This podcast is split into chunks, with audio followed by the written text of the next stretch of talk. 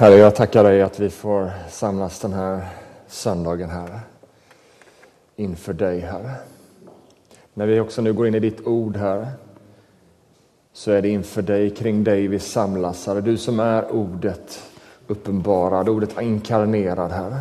Tackar att du genom din helige Ande uppenbarar ditt ord i våra hjärtan, Herre. Inte bara som kunskap, inte bara som information, utan som Kristus till våra hjärtan. I Jesu Kristi namn.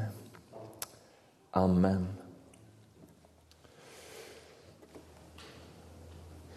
Gott att se dig här i centrum den här söndagen.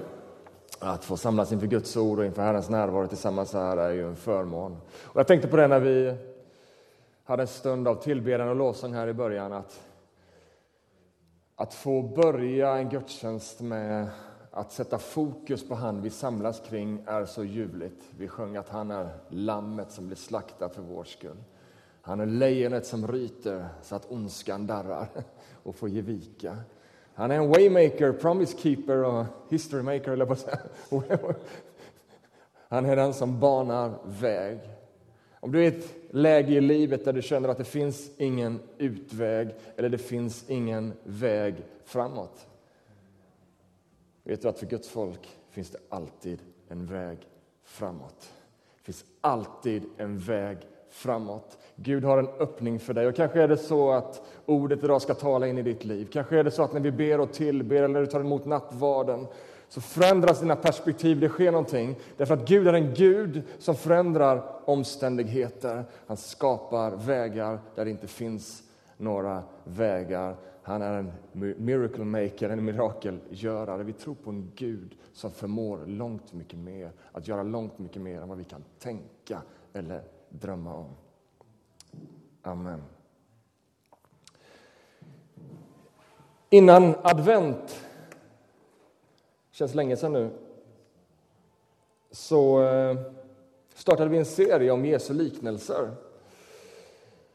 Och eh, faktum är att vi tyckte det var så kul så vi fortsätter tre veckor till eh, att tala utifrån Jesu liknelser. Och vi har ju hört idag ytterligare en av Jesu liknelser. Och liknelser är ju en genre som Jesus använder sig av. Och en genre avgör ju hur vi förstår en text. Så när vi läser en text, du och jag, allmän dags, säger man så? Dagligdags. Så direkt så förstår vi texten ut efter dess genre, vad det är för typ av text vi läser. Så när du läser Karin Boye, det är ont när knoppar brister.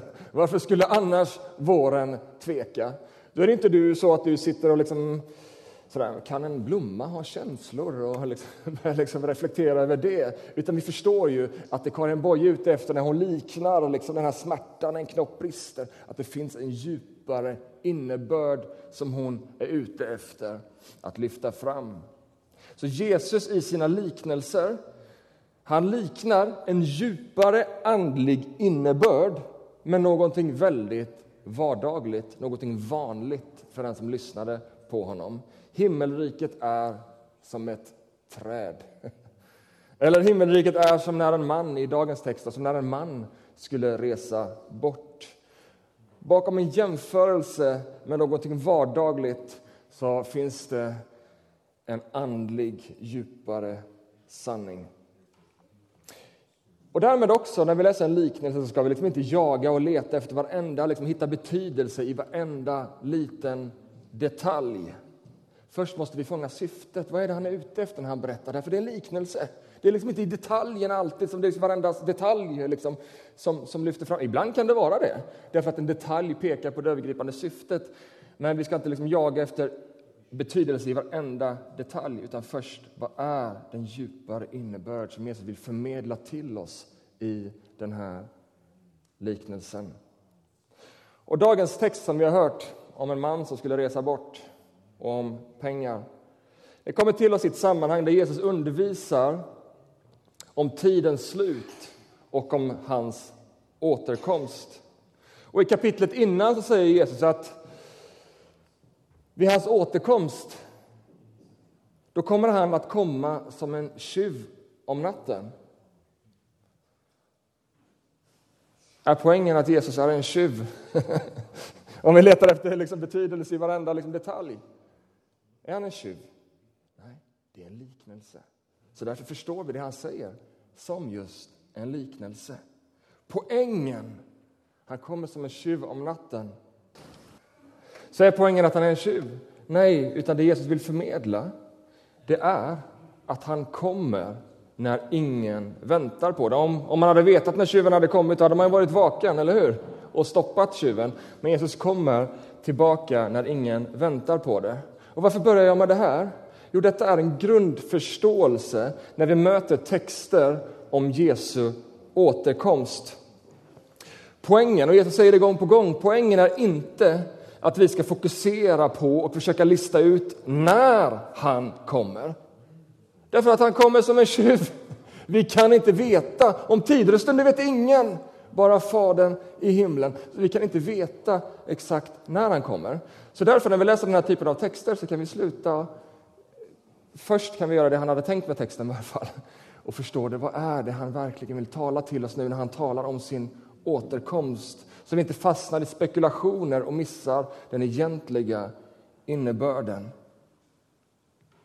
Han kommer som en tjuv. Poängen är att vi alltid, alltid bör leva våra liv i ljuset av att han kommer åter. Av att han faktiskt kan komma när som helst. Som en tjuv. Så att vi får leva våra liv.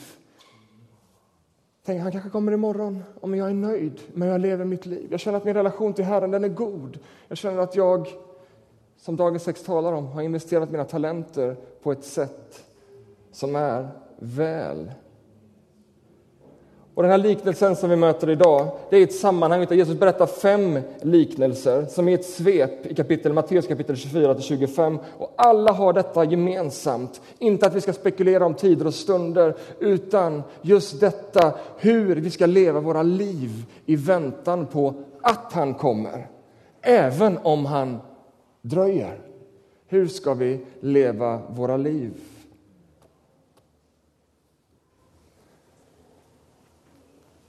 Kanske sitter du här och tänker, så som jag också tänker ibland, ska Jesus verkligen komma tillbaka? Ska han verkligen, verkligen komma tillbaka? Jag menar, att tro på Gud, sådär lite i allmänhet, det är lite sådär lagom abstrakt och det kan vi liksom förhålla oss till. Men att Jesus faktiskt ska komma tillbaka hit. Ja, men, kom igen! Hit till jorden, verklig, synlig. Det kan nästan kännas för konkret. Svårt att ta in i vår tids liksom rationellt boxade verklighet. Men faktum är att Jesus ska komma tillbaka. Det är centralt i vår tro. Att Jesus faktiskt ska komma tillbaka i egen hög person. Det är inte bara centralt i vår tro, det är också världens hopp att klimatkris inte ska få sista ordet. Att kärnvapenkrig inte ska få sista ordet.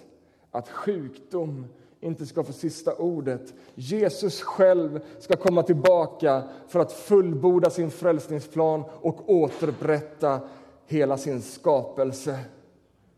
Det är centralt. Och om han faktiskt ska komma tillbaka, vilket vi då verkligen tror, eller hur? För att vi tror ju på vad Jesus själv säger. Om han verkligen ska komma tillbaka, då påverkar det hur vi lever nu och här. Det intressanta är att Jesus i hans tidiga liknelser till exempel Matteus 13 så börjar han med Himmelriket är som... Da, da, da, da, da, da, da. Himmelriket är som... Men nu så säger han då ska himmelriket bli som. då ska himmelriket bli som det pekar framåt. Guds rike har, himmelriket är som Guds rike har brutit in i tiden. Guds rike har brutit in med allt det som vi sjöng om, med frälsning, med helande, med glädje och frid och massa av Guds välsignelse nu här i tiden. Men, men, men, det finns också en framtid. Då ska himmelriket bli som. Det finns någonting som ligger framför som vi tror på, som definierar hur vi lever våra liv nu och här. Att han ska komma tillbaka och sätta stopp för synd och död. Att han ska komma med sin himmel för att förnya och för att i fullkomlighet hela och återupprätta sin skapelse.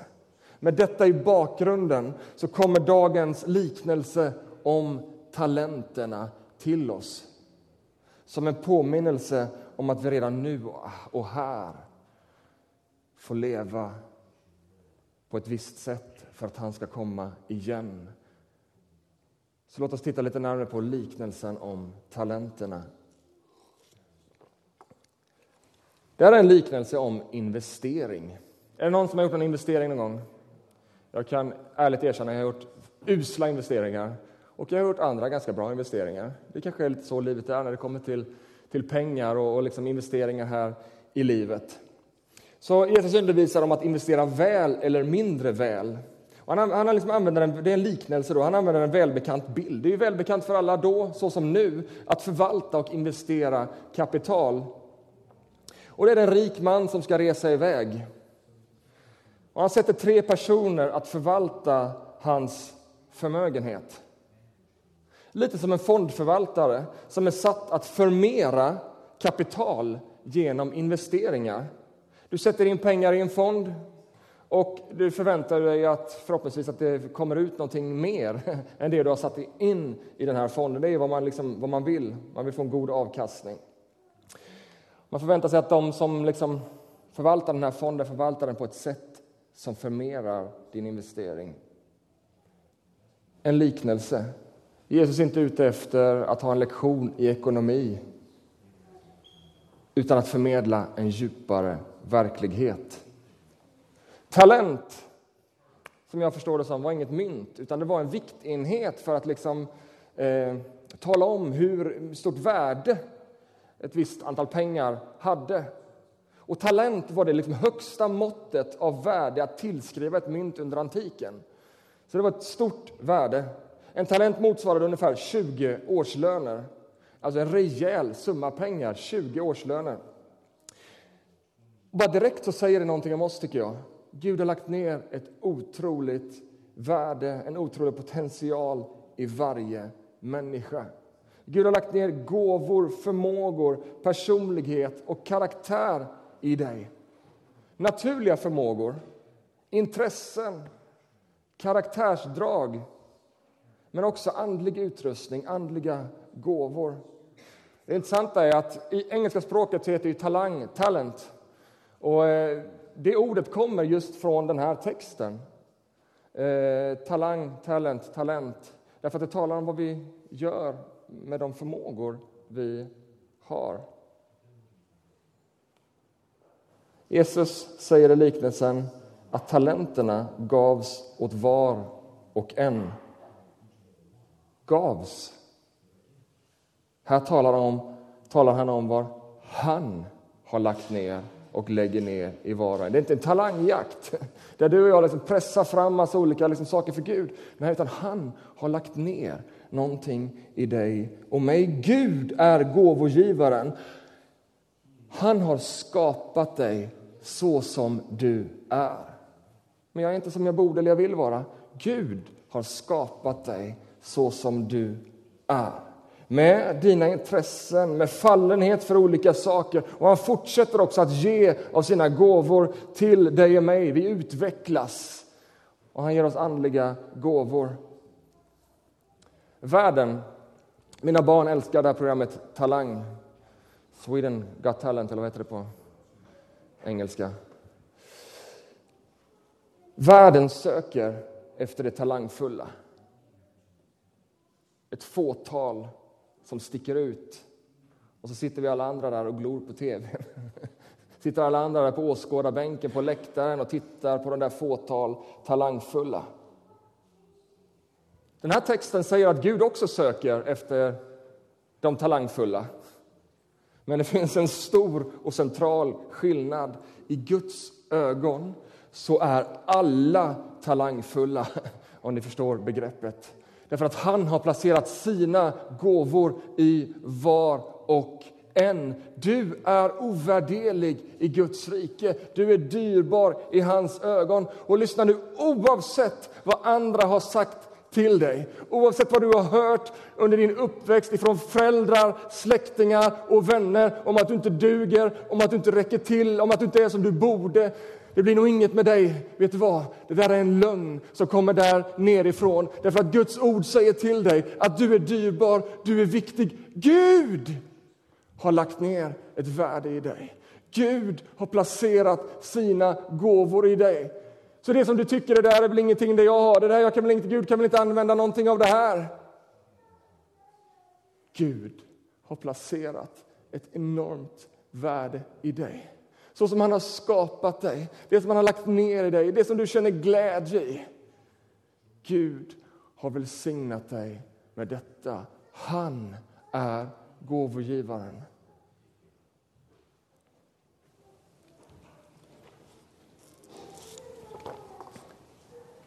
Och I liknelsen ser vi att en man eller en tjänare får fem talenter. Nästa får tre och den sista får en talent. Och när jag läser den här texten fram och tillbaka så förstår jag det inte som att vi skulle vara olika viktiga för Gud, att det är det som den här texten vill peka på. Utan snarare att vi får olika gåvor utifrån att vi är olika. Utifrån vår förmåga, står det i texten. Utifrån att vi är olika får vi olika gåvor. Varje talent är ju av enormt värde. Gud placerar ett enormt värde i var och en av oss, men gåvorna, uttrycken, är olika. Och Paulus, när han talar om det här så talar han om andliga gåvor. Och han säger om den utrustningen vi får genom den helige Ande så här i Första Korinthierbrevet kapitel 12, vers 4. Det finns olika nådegåvor, men Anden är densamma. Det finns olika tjänster, men Herren är densamma. Det finns olika kraftgärningar, men Gud är densamma. Han som verkar allt i alla. Men hos var och en framträder Anden så att den blir till nytta. Vi har olika tjänster, fungerar på olika sätt. Olika uppdrag, vi kan olika saker, vi olika, känner glädje i olika saker. Vi har olika gåvor, olika uttryck. Men det är samma ande som verkar i oss alla så att det blir till nytta. Han har skapat skapat oss olika. Han har skapat dig olik den andra. Jag har tre barn. Jag bara undrar, hur kan de bli så här olika? Det är fantastiskt. Samma mamma och pappa, tror jag. Så olika. För att Gud är med i bilden. Gud, han skapar oss unika, men han vill använda oss så som vi är efter vår förmåga, just som du är, med de gåvor du har. Guds rike behöver dig. Men jag är väl inte mycket till nytta? Jo, Gud vill låta de gåvor han lagt ner i dig framträda så att det blir till nytta, därför att du spelar roll. Investera dina gåvor i Guds rike. De tre tjänarna ges liknelse för alla olika gåvor att förvalta. De första två de investerar sitt, sitt kapital så att det förmeras. Och när mästaren kommer tillbaka från sin resa så blir han precis lika glad över båda. Den ena hade skaffat fem mer, den andra två mer. Men liksom, det, det handlar inte om värde, utan det handlar om att det är olika. Så han blir jätteglad. Vad härligt, fantastiskt, vad grymma ni har varit, underbart. Well done!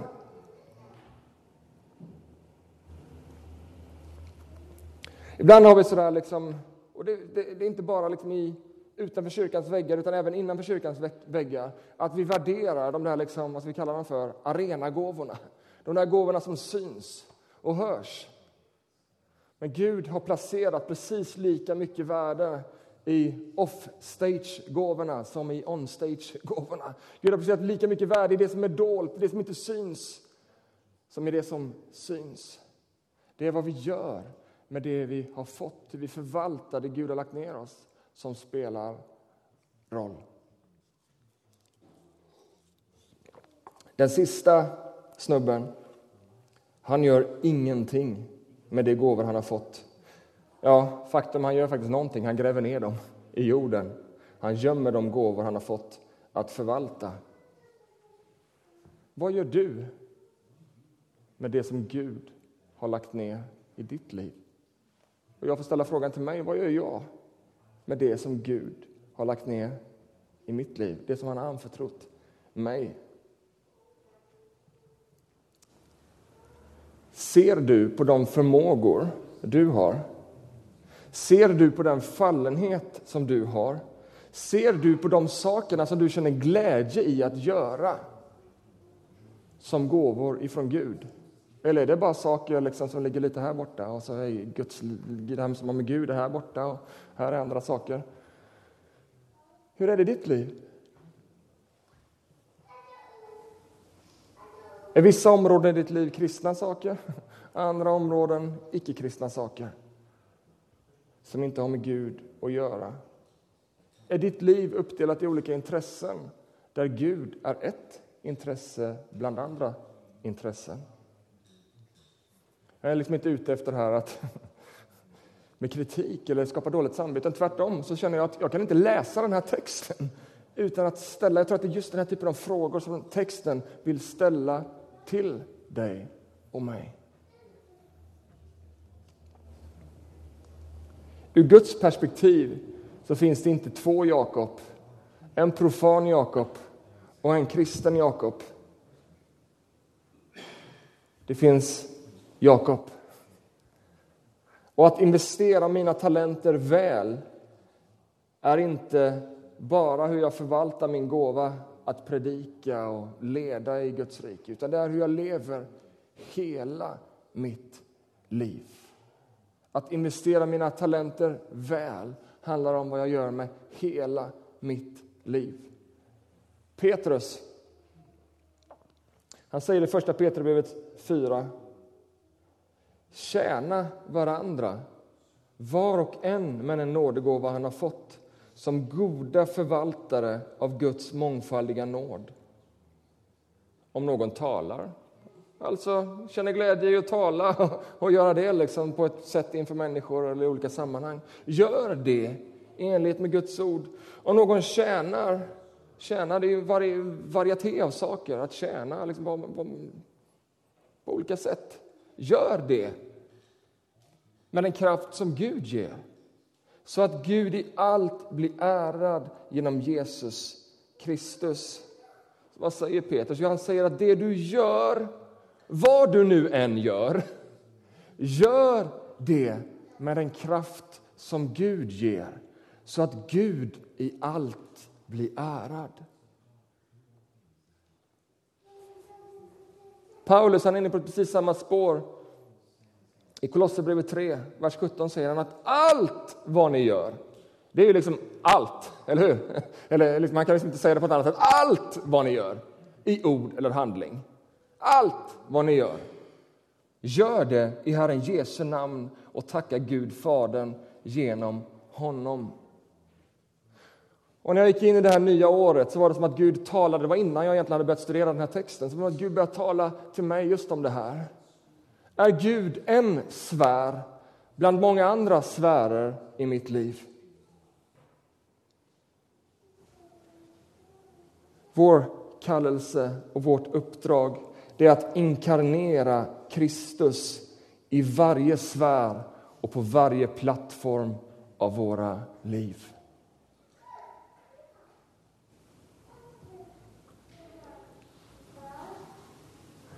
Att du får inkarnera Kristus, förkroppsliga Kristus. Att Kristus får vara en del i varje sfär, i varje del av ditt liv. Jag har ju annan försörjning också, och driver bolag och, och, och, jobbar på annat sätt. Jag satt på flyg hem från Stockholm i veckan och så satt jag bredvid en affärsvän och så börjar vi prata och så givetvis så vet hon att jag är troende. Och, hon bara öser frågor och jag säger men du behöver inte ställa så mycket frågor om det här. om du inte vill, givetvis. Jag vill! Men då börjar vi prata och så kommer in på, ja men du predikar, ja absolut. Och så börjar vi prata, till slut så, ja det ligger ju jättemycket undervisning ute på, på, på, på podcast och på nätet. Jaha, då vill jag gå in och lyssna! Och så sitter man i en helt annan kontext och, ska du in och lyssna på det? Det är ju, det är ju mitt andra jag. Det är ju inte jag som sitter här på flyget från Stockholm, utan det är ju liksom kyrk-Jakob. Och så kommer det till mig. Det finns inte ett kyrk-Jakob, ett kristet Jakob, ett annat. Det finns ett Jakob. Och med hela mig, med allt vad jag är, med alla de gåvor Gud har lagt ner mig, om det så är att predika och undervisa, eller om det är att göra affärer och hålla på med sådana saker i näringslivet, så gör jag allt i Guds kraft till hans ära. Det är den riktningen. Så jag tror Gud med den här predikan vill föra oss mer och mer och mer åt det hållet, så att Kristus får bli förhärligad i allt vad vi gör. Jesus säger i Matteus 13 och 33 att himmelriket är likt en surdeg som en kvinna tar och blandar in i tre mått mjöl till dess att allt sammans blir syrat. Du vet, har man stoppat in surdeg i en deg, det sprider sig. Och sen går det liksom inte dela på degen, utan det finns bara en deg och hela degen är syrad. Det kristna livet får vara allt, hela ditt liv. Där våra val och beslut sker med en längtan att följa Jesus. Där det vi gör och de gåvor som Gud anförtrott oss används för hans ära.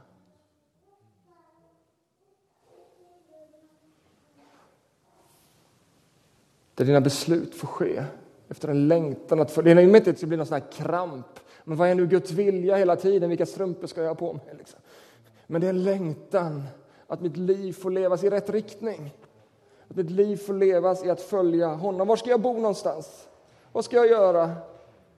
Ja, men Herre, jag vill att mitt liv ska behaga dig. Till och med var jag bor, till och med vad jag gör. Allting ska få behaga Kristus. Ett hjärta fyllt av en längtan att leva nära Jesus och följa honom med hela sitt liv. Jag tror det är det här att investera sitt liv, att investera sina talenter rätt. Det ligger någonstans här, att vilja leva för Gud. Och nu ska jag avsluta.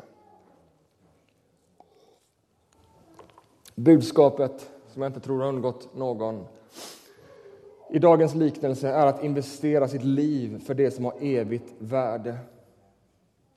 Med kraften av att han har kommit. Vet, han har ju kommit och det kommer, han kommer en kraft. Han kommer frälsningens kraft och den helige Andes kraft över oss. Så med kraften av att han har kommit så får vi leva våra liv med riktningen att han ska komma åter. Så nu och här, med den kraften som han ger, får vi leva våra liv med riktningen att han ska komma igen. Hur kan du investera ditt liv för Guds rike? Jag och Joel hade förmånen att för några veckor sedan träffa en konstnär och församlingsplanterare som heter Linwood Berry. Och vi fick samtala med honom och lyssna till honom. Och I hans liv blev det så konkret. Jätteduktig konstnär. Supertalangfull. Det blir så konkret att han har fått en gåva som han använder för att kommunicera, genom konsten för att kommunicera till människors hjärtan om vem Gud är. Men så pratade vi om det här, men vad betyder det för oss alla andra då? Och då sa han så här, I am an artist, but you are all gifted with something else. Use what you have in your hands and use it for the glory and purposes of God, work, life, work, life, interests and networks, etc. etc. Jag är en konstnär, men du är begåvad med någonting annat. Använd det du har i dina händer. Använd det för Guds ära och Guds syften. Vilket underbart sätt att få leva sitt liv. Gör det du gillar. Gör det du gör. Ibland tänker vi så mycket på att vi ska göra någonting annat när vi kommer till att göra saker för Gud. Men han begär inte alltid att vi ska göra någonting annat. Han begär ganska ofta att vi ska leva vårt liv och ge det till honom. Gör det du gör. Use what you have in your hands, but do it for the glory and for the purpose of God. Var en sjuksköterska till Guds ära. Var en student till Guds ära. Var arbetslös till Guds ära. Bo där du bor till Guds ära. Lev bland de människor du lever. Men gör det för Guds syften, till hans ära. Överallt och i allt följ Jesus. Och reformatorerna pratade om det här hela tiden. Coram deo talade de om, att leva ständigt inför Gud, i hans närhet, hela sina liv, allting. Jag har mycket mer att säga, men jag tror jag ska avsluta, för jag ser det på er. Men Gud välsigne dig i din längtan att få investera ditt liv i Guds rike. Jag kan inte nog stryka under detta. Du behöver inte jämföra dig med vad någon annan har fått. Utseende, personlighet, gåvor, talang om du nu vill använda det ordet. Därför att Gud har skapat dig som du är. Gud har placerat dina gåvor i dig. Och du är otroligt dyrbar. Du är fantastisk. Ingen kan ersätta dig. Ingen kan ta din plats. Gud vill ha dig i sitt rike, i sin församling för att leva för honom. Förvalta det kapitalet som han har lagt ner i dig. I Jesu namn. Amen.